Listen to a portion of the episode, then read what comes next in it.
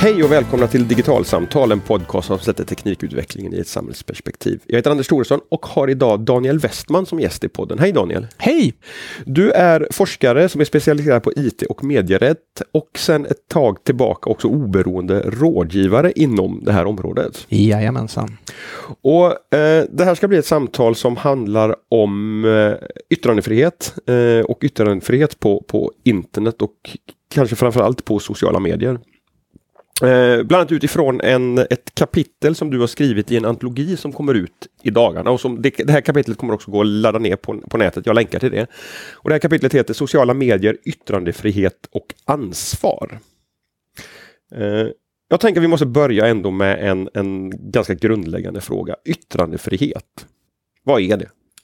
Eh, ja, det är en ganska grundläggande fråga, men det är också en ganska stor fråga. Men eh, kärnan i yttrandefriheten kan man ju säga, det är ju det att eh, tanken att, att staten inte ska gripa in och begränsa vad medborgarna får, får säga. Antingen genom att hindra dem på förhand, genom det man brukar kalla för censurera, att man kräver att man lämnar in saker innan det publiceras för granskning eller att man försöker hindra det som publiceras. Eller att man i efterhand begränsar yttrandefriheten genom att hålla någon någon ansvarig, straffa någon till exempel för vad de har sagt eller inte. Men, men innebär att yttrandefriheten är egentligen en, en, någonting som regleras mellan mig som medborgare i Sverige och staten Sverige? Det är ju, det är ju så att säga ut, utgångsläget, ja. att, att eh, det är ett skydd, eh, en, en medborgerlig fri och rättighet i förhållande till, till det allmänna. Eh, och det är ju så att säga kärnan i yttrandefriheten. Eh, man kan inte utan vidare säga att eh, du begränsar min yttrandefrihet om du inte tar in en, en artikel i din tidskrift som du har, utan där är det ju din yttrandefrihet att välja att publicera det du vill publicera. Eh, så det är ju så att säga utgångspunkten. Men sen eh, för att komplicera det lite grann så, så kan man ju säga att yttrandefriheten också eh, ålägger, har vissa så säga, positiva sidor, att staten har vissa skyldigheter att möjliggöra för folk att kommunicera. Och det här är ett område som är lite osäkert och otydligt exakt hur långt de skyldigheterna går. Men det är en fråga som aktualiseras allt mer i relation till sociala medier kan man säga, därför att där har ju staten, eh, där uppstår en trepartsrelation mellan, mellan den som vill yttra sig, staten som reglerar på olika sätt och sociala medieföretaget som ofta är väldigt dominerande aktörer. Och eh, där uppstår en del intressanta nya yttrandefrihetsfrågor då som, som jag försöker diskutera i den här artikeln. Ja, för då skulle jag vilja dyka ner på en fråga där med en gång. För, för att du, du, du konstaterar, eh, eh, jag, jag kommer inte ihåg exakt hur du formulerade det, men, men det är ett resonemang kring det här påståendet som man hör ibland att ja, men det står de här IT-jättarna, vi pratar om Facebook och Twitter och så vidare, eh, fritt att, att själva bestämma vilken typ av innehåll de är bekväma med att ha på sin plattform och vilken typ av innehåll som de modererar bort för att de vill inte ha den typen av innehåll. Men du, du konstaterar att riktigt så enkelt kan man inte göra det för sig. Är det just det här som du kommer in på, då, att de är så dominerande och staten också har ett ansvar att, att se till att vi kan utnyttja vår yttrandefrihet? Ja, eh, det kan man säga, men jag skulle vilja börja egentligen i en annan ända. Att den första ändan är att, att staten eh, i allt högre grad försöker försöker, eh, så att säga, för att begränsa vilka yttranden som, som får finnas på nätet. Det är mycket fokus idag. När, när, när sociala medier var nytt var det mycket fokus på oj, det här kan möjliggöra demokrati och delaktighet och så vidare. Det var väldigt mycket positiva tongångar. Vi har den arabiska våren och man omstörtade samhällen i en demokratisk riktning och så vidare. Och man pratar mycket om delaktighet även i våra, vårt samhälle. Nu sedan ett antal år så är det ju väldigt mycket fokus på de negativa sidorna, så att säga fake news, eh, propaganda, intrång, eh, nätkränkningar av olika slag.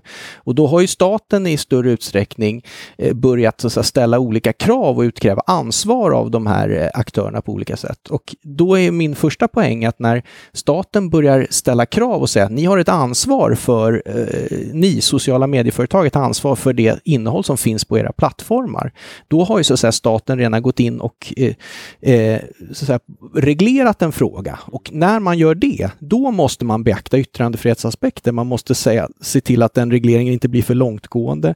Man måste ha, så att säga, ge ett visst skydd för eh, de som yttrar sig på de här plattformarna, deras processuella garantier och så vidare. För det, det, det är väldigt lätt att det blir ett starkt incitament att ta bort för mycket och så att säga att, att eh, hela tiden hålla saker borta från, från plattformarna. Helt enkelt därför att man som plattform blir, blir rädd för att man råkar eh, tillåta en publicering av någonting som, som vi inte borde ha blivit eh, tillåtit och därför så kommer vi börja att, att moderera hårdare ja. än vad lagen kräver för att ja. hålla, hålla liksom en, en, en, marginal till, till vad, vad staten ålägger oss att faktiskt ja, göra. Ja, och, och ofta är det ju svårt att bedöma så att säga vad, vad eh, yttrandefrihet är ju väldigt svårt och komplext. Alltså, var går gränsen? Det finns ju gränser. Man får inte säga vad som helst. Det är förtal och hets mot folkgrupp och så vidare.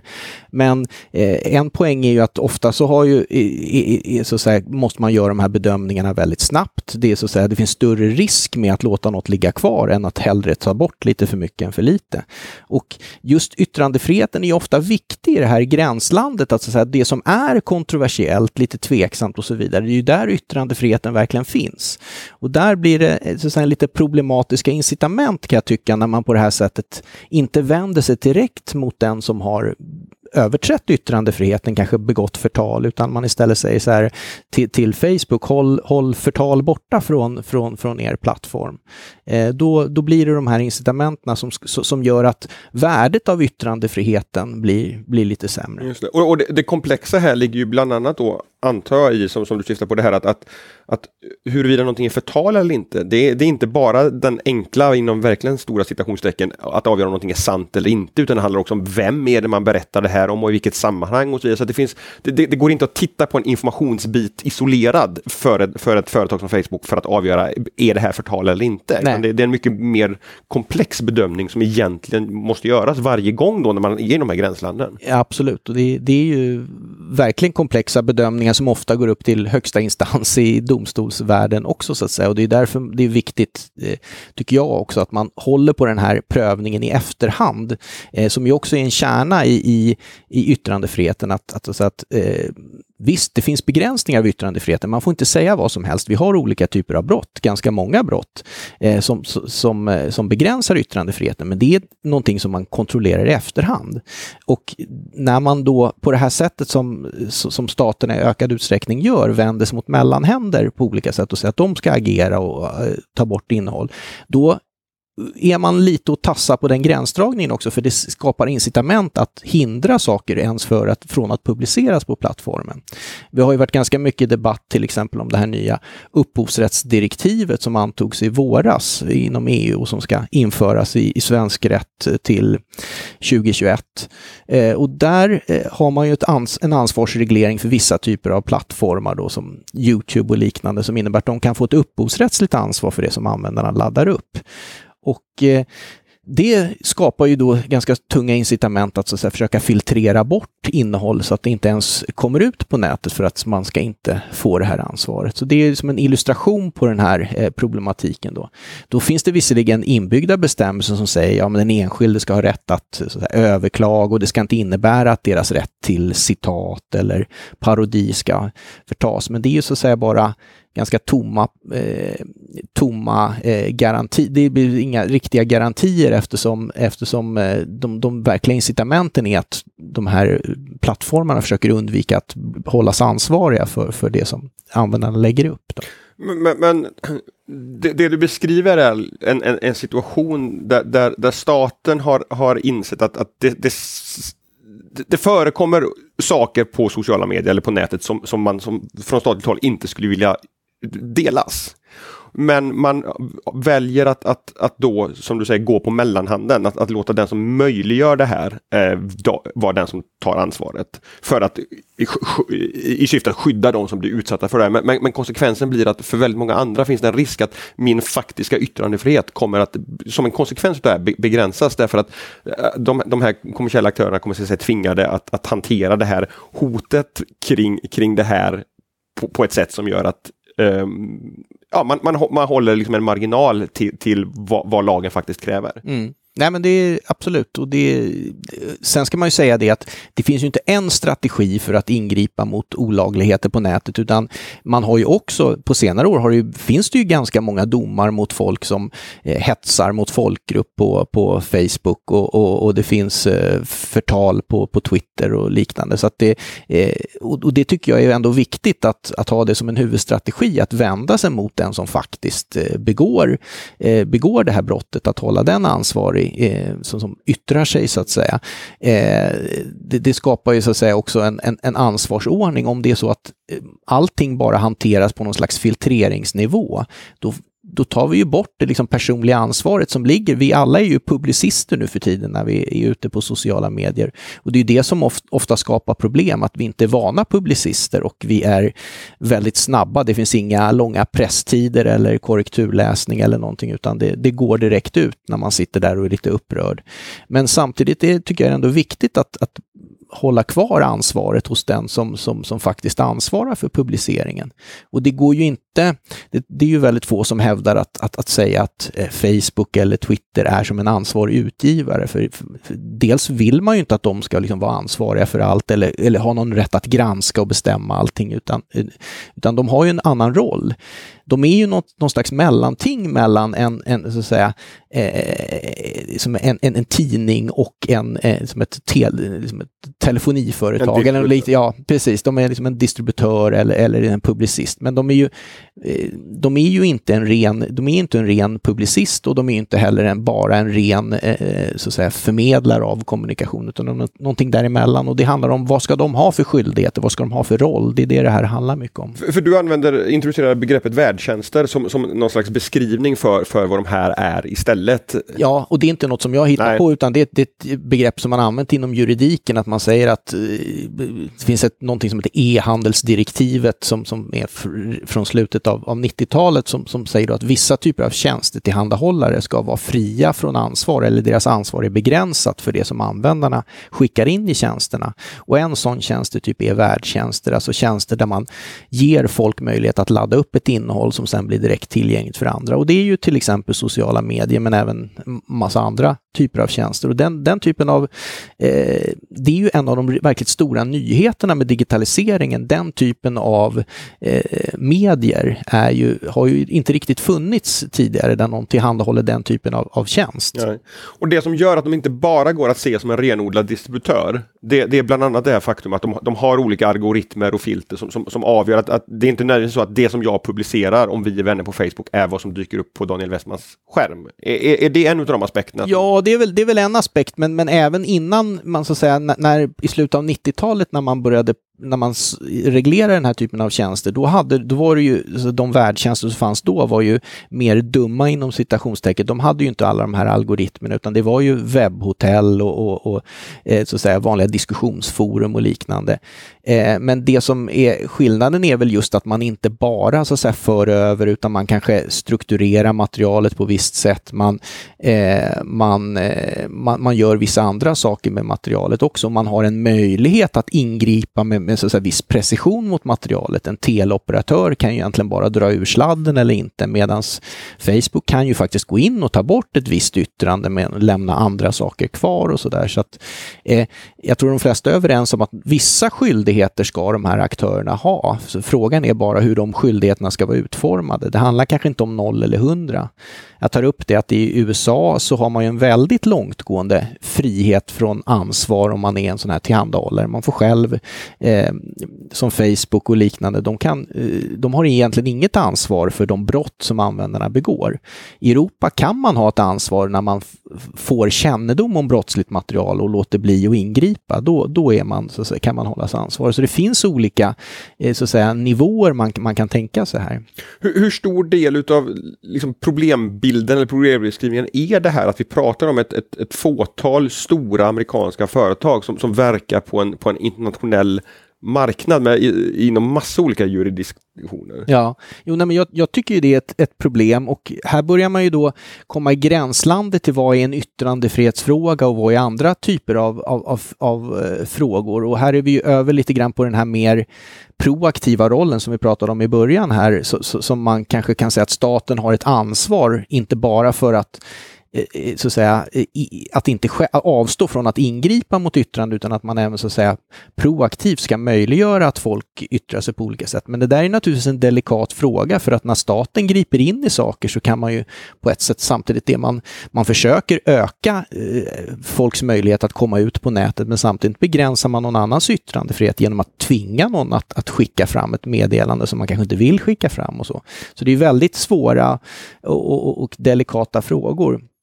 Men min inställning är väl ändå då att när det är inte helt fritt fram att eh, för de här aktörerna att, så att säga, bestämma sina egna regler. Eh, även om de så i grunden har en rätt att bestämma sina regler så, eh, så måste man ändå ta fram dem liksom i enlighet med som säger, grundläggande mänskliga rättigheter. Och det här är liksom en diskussion som har kommit upp lite mer på, på senare år. att de här aktörerna som är dominerande, eh, de har en stor makt, staten har så att säga givit dem vissa skyldigheter och så, ja då måste man eh, så att säga, ha, hantera sitt framtagande av regler och sin moderering med ett visst, ett visst ansvar och enligt vissa principer. Eh, exakt hur de här ska se ut, det liksom är föremål för diskussion idag, men det finns bland annat en en eh, FNs rapportör om yttrandefrihet har börjat diskutera det här ganska mycket utifrån då att ja, men vi måste ha ett mänskligt rättighetsperspektiv på den här modereringen och det har jag sett också att eh, till exempel Facebook har börjat tala mer om i sina användarregler, community-regler som, som de kallar det eh, på senare tid. Att ja, men våra principer för hur vi modererar och vad vi bestämmer regler, de ska vara baserade på, på mänskliga rättigheter. Då. Jag, jag, tänker att en, en utmaning här är, är ju att, att um, de kraven och förväntningar vi som användare och kanske som politiker också har på de här, de här plattformarna ibland kommer på kollisionskurs med, med varandra. En, en, sån sak är ju liksom det här, ja, men så här vi vill att, att att Facebook ska ta bort en viss typ av innehåll samtidigt som vi inte vill att Facebook ska avlyssna det som vi skriver till varandra. Och, och just nu så, så, driver Facebook en ganska hård eh, eller snabb utveckling mot det där Mark Zuckerberg har pratat om att allt mer utav användarnas liksom, kommunikation ska vara end-to-end krypterad vilket innebär att Facebook kommer inte kunna se innehållet i den. Det blir ett skydd för den personliga integriteten men det blir inte någonting som gör det lätt för Facebook eh, snarare omöjligt i många fall att, att faktiskt vara inne och moderera och sådär det, det här att, att det, det, finns så många olika typer av krav och förväntningar på de här företagen. Hur, hur, hur, hur komplicerar det situationen? Ja, det, det är en jättebra beskrivning och ja, det, det, det, är en väldigt komplicerad situation för det finns många intressen som aktualiseras och det är det som jag tycker är så spännande med det här IT, med, modern medierätt, att det är så många olika intressen. Yttrandefrihetsintresset är ett intresse och det finns massa andra, andra krav. Eh, och policyskaparen på det här området måste ju vara väldigt smart och som du säger, den måste också kanske tänka igenom eh, verkligen hur, hur, får man en sammanhängande policy för det här området. För det är väldigt lätt, det ser man inte minst i media, att det kan ena dagen bölja åt ena hållet att oj, eh, varför gör inte en Facebook någonting mot det? Varför tar de inte bort någonting? Nästa dag är de väldigt upprörda och skriver öppna brev till Mark Zuckerberg för att man inte att man har tagit bort någonting som någon har publicerat. Så att det här är svåra och komplexa komplexa frågor. Och man måste tänka efter lite grann. Och om det är svårt och komplext att dra gränserna, eh, vad, vad, som ska göras och inte göras, eh, så blir det ju inte för politiker så blir det ju inte lättare för Facebook. Det är lätt att man tänker så att säga att, att ja men det, oj, det här var en svår fråga. Eh, hur ska vi lösa den här i lagstiftning? Hur ska vi balansera de här intressena? Hur ska vi garantera yttrandefriheten samtidigt som vi får bort brottsligt innehåll och så vidare? Ja, vi lägger ett större ansvar på Facebook, men det är ju inte som så att frågan löses på det. De har ju lika stora svårigheter de. Bara det att det kanske inte blir på ett med, med liksom rättssäkerhetsprocesser och liksom sådana Nej, för, för, för, det är så jag tänker på också ja. ibland, att det känns som att man skjuter, alltså så här, från politikerhåll kan det vara liksom nästan så att skjuta ifrån sig ansvaret. Ja. Att, att, att, lösa den här liksom väldigt komplexa situationen på ett väldigt enkelt sätt. Ja. Men, men, samtidigt så, så, får man ju, kan jag ju tycka då att då behöver man ju som, som medborgare fundera på men så här, var vill man att de här besluten ska fattas? Är det liksom i, i en demokratisk församling i, i Sverige eller Europa eller är det, är det liksom i ett styrelserum på, på, på, hos, hos Facebooks huvudkontor? För någonstans är det ju liksom där, däremellan alternativen står. Ja, och det, det, som sagt var, jag, jag är väldigt ödmjuk och jag kan liksom inte säga, komma så här ska man göra. Och, och det, jag, jag, jag, det jag tycker är första insikten att alla som säger att det här är enkelt, att så här ska man göra, då ska man vara ganska eh, stor misstänksamhet. Det har blivit mycket mer komplext och det, vad är statens roll? Vad är de här stora aktörernas roll? Men eh, som jag ser det så, så, så, så, håller jag med dig att det finns en roll för staten att sätta ut grundläggande regler, eh, kanske ha tillsynsmyndigheter som övervakar, men samtidigt att inte skapa incitament, eh, inte bara prata då när man säger att när man pratar om sociala medieföretagens ansvar och när man ska reglera det ansvaret, för jag tror inte det bara handlar om att ha självreglering utan man måste ha reglering, men att man måste göra den på ett smart sätt då, så att den inte bara skapar incitament som det har varit hittills att eh, ta bort saker, utan man måste också samtidigt ha eh, processer och, och, se till att det finns garantier så att, man, så att yttranden som ska nå fram verkligen når fram och att det finns sätt för dem som blir felaktigt behandlade att få det tillrättat, så att, säga. att man inte bara behöver gå med mössan i hand till Facebook för att få, få någonting korrigerat och så vidare. Så att det handlar om att utveckla liksom ett, ett, ett regelverk för det här som balanserar olika intressen i dialog och i i, krav med, i förhållande till de här aktörerna. Och de är ju naturligtvis vinstdrivande och, och tittar på sitt eget bästa, men de försöker ju också göra mycket bra saker. Och jag vet att som Facebook eh, till exempel, de lägger ner jätte, jättemycket tid och resurser på de här frågorna. Så att det är inte så att de bara struntar i allting. Eh, så, att, eh, så det är svåra frågor, så man måste nog göra det här i en, i en, i en samverkan. Det, det, jag tycker är intressant är att jag, jag har börjat höra liksom, åtminstone vissa eh, idéer om hur man, hur man kan liksom ta sig an en del av de här utmaningarna på, på lite nya sätt. Eh, eh, en, en, en väldigt aktuell diskussion handlar ju om det här med, med, politisk annonsering och lögner i politiska annonser, huruvida Facebook ska tillåta det eller inte. Och, och där, där eh, Facebooks tidigare säker, säkerhetschef Alex Stamos har, har föreslagit att istället för att försöka liksom så här att, att, att, att, ta bort lögner, eh, det, det, det, är ju liksom en tvåstegsraket. För, först ska du på något sätt hitta en, en klar definition på vad, vad är en lögn och vad är inte en lögn. Och ibland kommer det vara jättelätt, men många gånger kommer det vara fruktansvärt svårt. Och nästa steg är ju att, att hitta ett sätt att, att på ett säkert sätt plocka bort det som, som vi har bestämt oss för i en lögn. Där, men där Alex Daimos förslag istället är att, att sätta ett slags räckviddsgolv. Att man inte ska kunna göra hur, hur små demografier som möjligt när man köper innehåll, eh, liksom räckvidd på, på Facebook. Utan man ska vara säker på att minst 5000 personer i ett, eh, i ett val får se en viss typ utav, utav annons för att därmed få, få spridning på de här lögnerna. Eh, den typen av liksom angreppssätt på den här problematiken, är det någonting som du hör, hör mer om eh, på, i andra sammanhang och som, som, du tror på som en framkomlig väg? Jag tror definitivt på den typen av eh, modeller av olika slag. Nu är jag inte eh, kan inte detaljerna i den där då, men en sak som jag tror är väldigt viktig, är att man har ju alltid alla tider sagt att ja, men vi måste få bort lögner och det har alltid varit liksom ett skäl att, att begränsa yttrandefriheten på olika sätt. Men, men som, som du är inne på själv, alltså vem ska göra den här bedömningen? Eller för, för det första, vad är en lögn och hur ska man kunna hålla det bort? Jag menar, tänk bara på vad som ansågs vara en lögn på Galileo Galileus tid, liksom, när, när, när det handlar om ja, hur, hur, man såg på hur jorden rörde sig och, och, snurrade runt solen och så vidare. Så det är klart att det är ju en det, det, det, är väldigt viktigt att man måste ha som en, en, en tolerans där i första, för, för att eh, man måste kunna yttra saker och sen får det diskuteras och, bedömas i en öppen debatt. Men, men det som det här förslaget som, som det låter som, det det inriktar sig på, det är ju just mer den här microtargeting-problematiken då, att du måste öppet stå för ett budskap till många personer. Du kan inte så att säga skräddarsy ett budskap bara utifrån eh, så att säga vem du, vad du tror att en viss person vill höra och då kan du ha helt helt inkonsekventa budskap. Och det är ju naturligtvis ett, liksom ett, eh, det är ju en typ av problematik som man kan hantera på, på, på ett litet nytt sätt.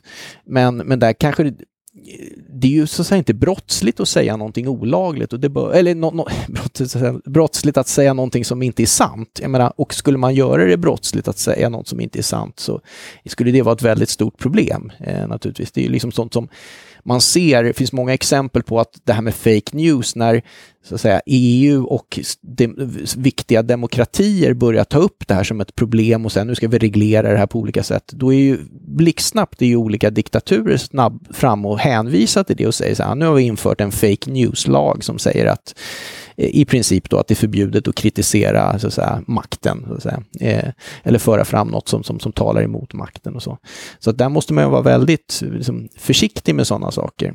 Ja, för det, det, som gör att jag tycker att sånt här förslag blir så intressant, det, det, det, blir ju ett sätt att dra fram påståenden i ljuset och exponera dem för fler, för att man då ska, liksom, ska kunna ha en, diskussion om vad kandidat X eller Y faktiskt ja. påstår i väldigt riktade annonskampanjer till, till väldigt små demografier. Jo, och just den här fake news-problematiken är ju en sån sak och man kan tänka sig även som så här terrorpropaganda som ju är ett brottsligt innehåll istället. Så säga. Och där, men där man är, även där kan rikta sig mot vissa liksom, individer och så, att det, det, vissa är mer mottagliga för det.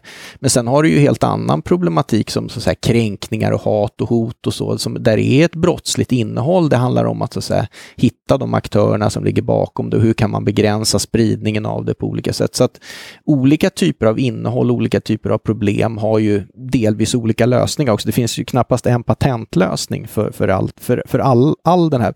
Och det är det som jag tycker också är lite problematiskt. Ibland pratar man om eh, de här plattformarnas ansvar för olagligt och eh, skadligt innehåll, harmful content. Och det är också ett väldigt vagt problematiskt begrepp i yttrandefrihetssammanhang. Vad menar man med harmful, så att säga? V för, för, vem? Och vem, vem har rätten att göra den bedömningen? Ja, ja. Och, och, jag menar, min bestämda inställning är att man ska vara väldigt försiktig med att försöka få bort så att säga, något annat än det som man har i demokratisk ordning kommit fram till att det här är liksom förbjudet, det här är otillåtet så att säga.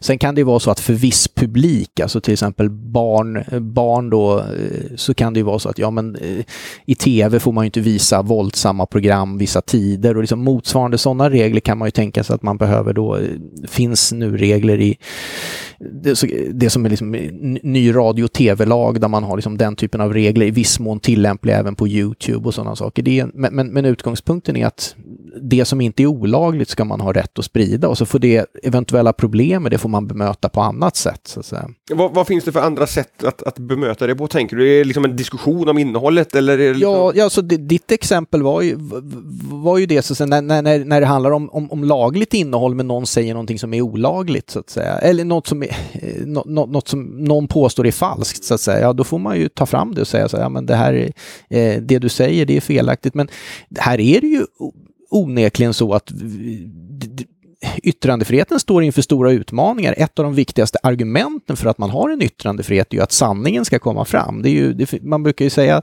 sanningsargumentet, demokratiargumentet och autonomiargumenten är ju liksom de viktigaste argumenten för yttrandefriheten.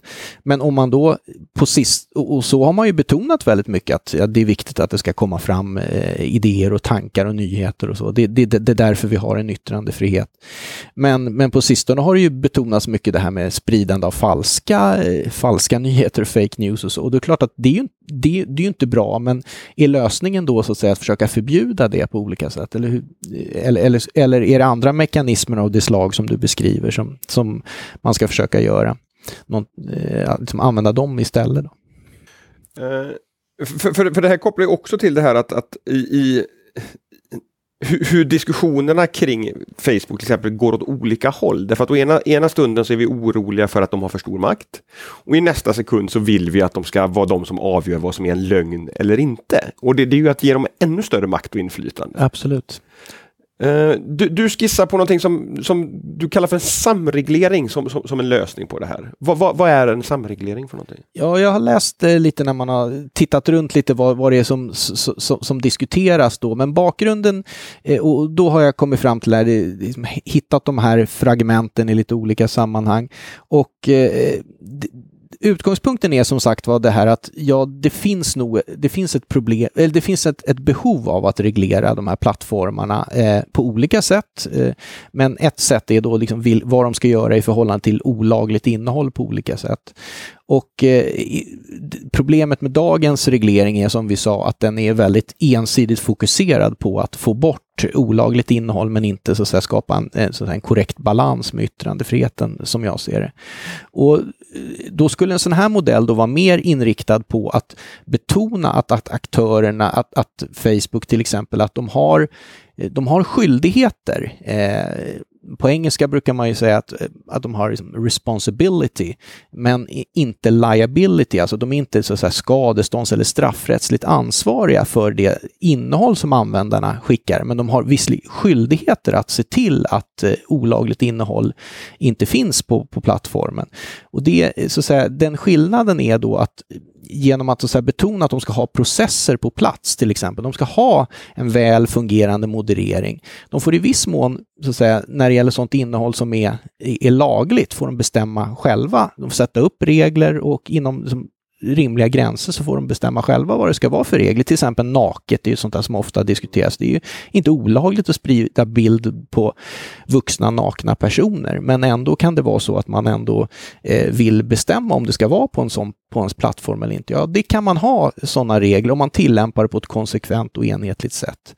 Och sen ha då eh, rutiner eh, för hur man plockar bort olagligt material och eh, så ska då även myndigheter kunna följa upp det här och titta då på har man fungerande rutiner och inte då fokusera på så att säga, enstaka fel då att man inte har tagit bort specifik bild. Nej, liksom. nej ut, utan som det ofta blir väldigt mycket fokus på nu, utan att man tittar mer på processerna. Har man så att säga processer för att komma fram till vad det är som ska finnas på, har man väl fungerande rutiner för det? Finns det rättssäkerhet när man plockar bort någonting? Informeras den som får någonting borttaget? Har de en möjlighet att få det korrigerat? Och så vidare. Är man tillräckligt snabb med att plocka bort terroristpropaganda eller barnpornografi, sånt som är väldigt allvarligt, då måste man kanske ha, tillsätta tillräckligt med resurser för det. Så att det handlar inte om att vara liksom soft mot de här aktörerna. Det, det, en, en, del säger då, ja men alla som inte tycker att de ska ha ett större ansvar är liksom, ja men det är mjuka, man går internetjättarnas ärenden och sådana saker. Men det, men, det, men det handlar,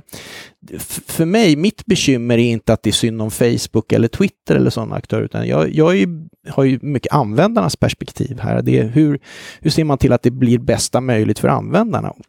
Och användarna på sociala medier är ju både sådana som yttrar sig och vill kunna sprida innehåll, men också får ta emot ett visst innehåll. så att säga. Det, det, och I de rollerna kan man ju både stöta på innehåll man vill ha och innehåll man inte vill ha. Så att säga.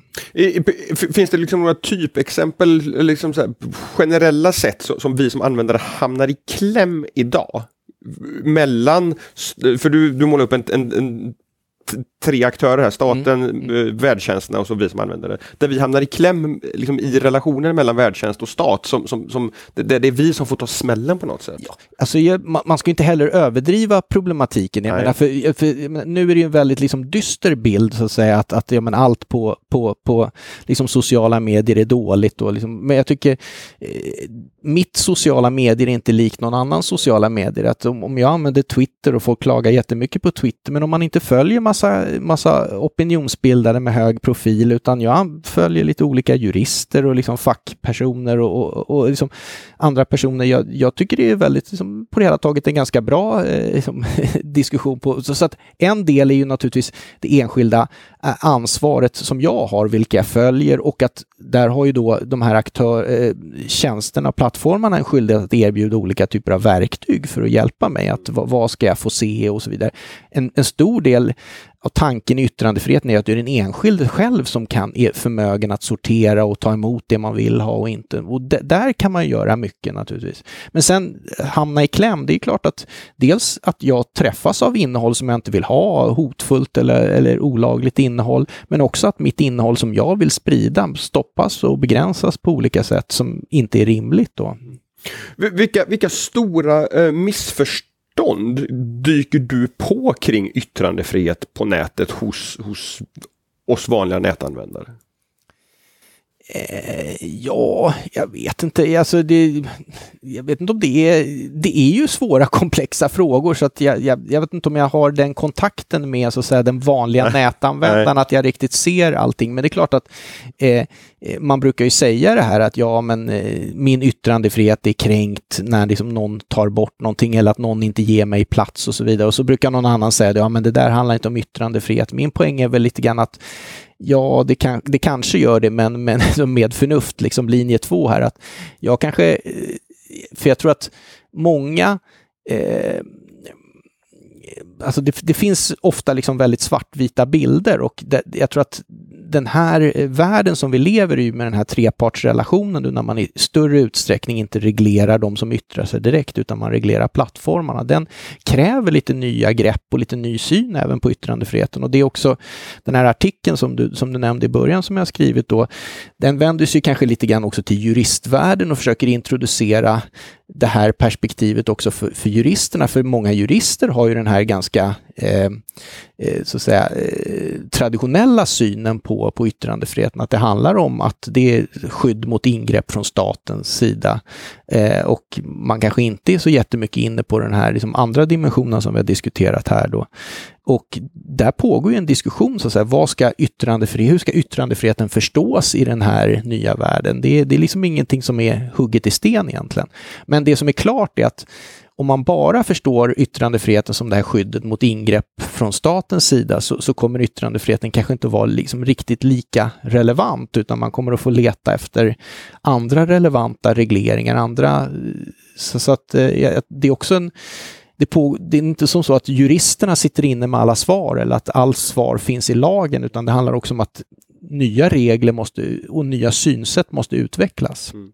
Nu finns det tyvärr två spår som jag vill gå vidare på här, men vi, vi, vi tar dem ett och ett. Det, det, det, ena, eh, eh, för att hänga kvar vid det här resonemanget som du hade om att, att eh, det, liksom är, blir en väldigt dystopisk bild just nu på något sätt. För, du, du, jag har valt ut ett citat ur, ur din artikel, ditt kapitel, här, som, som, är just att vi får inte förledas att tro att hela samhället kretsar kring sociala medier, vare sig positiv eller negativ mening. Sociala medier är en del av väldigt många sociala processer, men de är sällan orsaken till dem.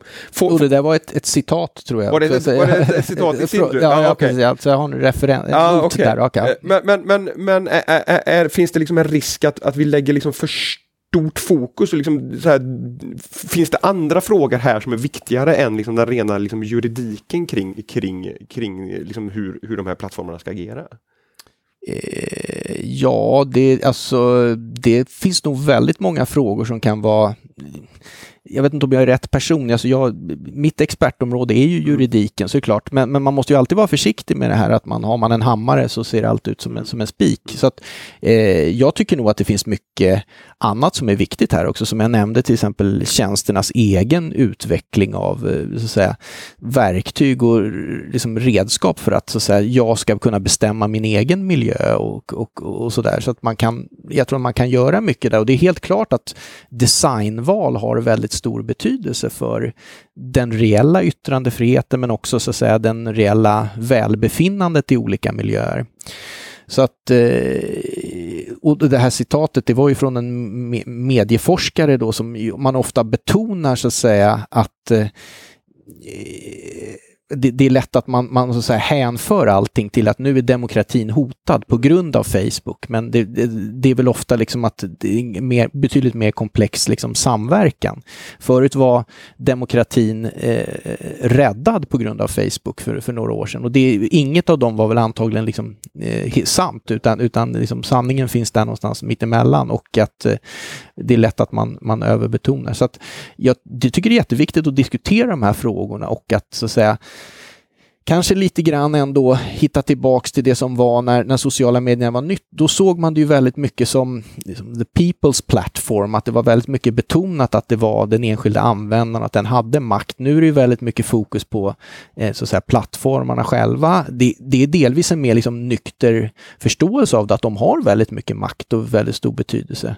Men i förlängningen någonting som jag tror att vi måste hitta tillbaks lite till, det är ju en mer, liksom ett mer decentraliserat nät och liksom mer makt till användarna igen. Att, att det, det blir en, en, en utveckling där så att säga man ger de här, några, ett fåtal aktörer väldigt stor makt att bestämma över allting. Lägger vi all vår kommunikation, all, hela vårt liv i händerna på några stora tjänstetillhandahållare så kommer de att få väldigt mycket makt på ett sätt som inte är bra. Så att eh, jag skulle nog hoppas att eh, kan hitta tillbaks lite till det här lite mer decentraliserade nätet och mycket av de förhoppningarna och sånt som man hade när, när nätet slog igenom och var, var nytt. Men det är ju jätteintressant för jag, jag, nu är jag inte säker på om, om, om det här är ett resonemang som du tar, tar upp i ditt kapitel. Men, men, men det, det, finns ju en, en, en, oro från, från många om att, att en hel del av den här lagstiftningen som kommer på, på plats nu, eh, den är ju en reaktion på hur stora de här jättarna har blivit och det inflytande som de har fått. Men, men i och med att eh, en hel del av den här juridiken och regleringen blir så omfattande och så kostsam att följa, så innebär det att man, man gör den här regleringen i ett sätt att försöka mota, mota de här lite grann. Men, men den praktiska konsekvensen blir att man motar alla nya aktörer som inte kommer ha, ha liksom de ekonomiska och tekniska och juridiska möjligheterna att förhålla sig till alla de här nya kraven. Hur, hur ser du liksom på det resonemanget? Ja, men det, det är något som ofta förs fram och jag tror att det ligger en hel del i det. Jag kan inte säga att jag liksom har tillräckligt liksom, empiriskt underlag för att bedöma det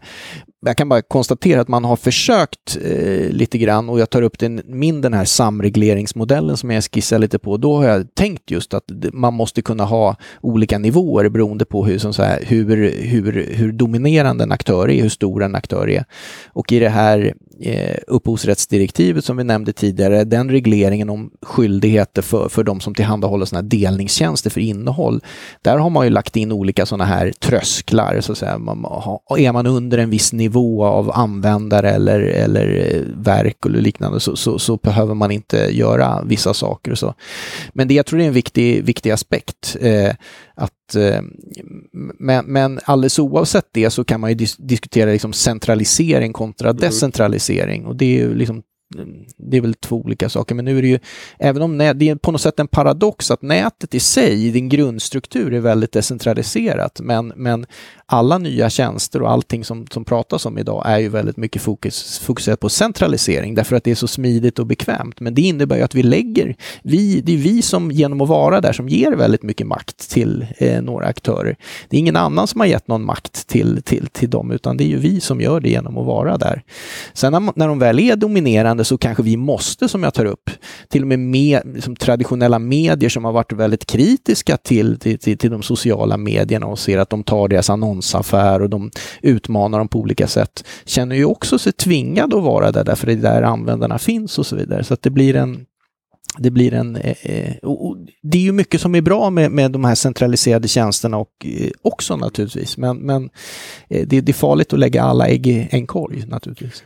Vi var inne på det här att det eh, ibland kan, kan tolkas som att, att politikerna tar ett steg tillbaka och skjuter över ansvaret på de, på de här tekniska plattformarna. Att, ja, lös problemen som, som, som ni har. Och jag, jag får ibland en, en, en, bild utav att det kanske liksom finns en naivitet i politiken över att det här är, ett, är problem och utmaningar som går att lösa väldigt lätt tekniskt. Eh, det, det, det, finns diskussioner om porrfilter och som, som England har fått backa på mm. lite grann för att det visar sig att nej, det, det, är inte så mm. enkelt att filtrera bort porr. Det kommer inte vara så enkelt att filtrera bort liksom allting. Sådär. F, är, är det någonting som, som du kan, kan känna igen? Att det finns liksom en övertro till vad de här plattformarna faktiskt kan lösa rent tekniskt och därför behöver vi inte hantera liksom, juridiskt? Nej.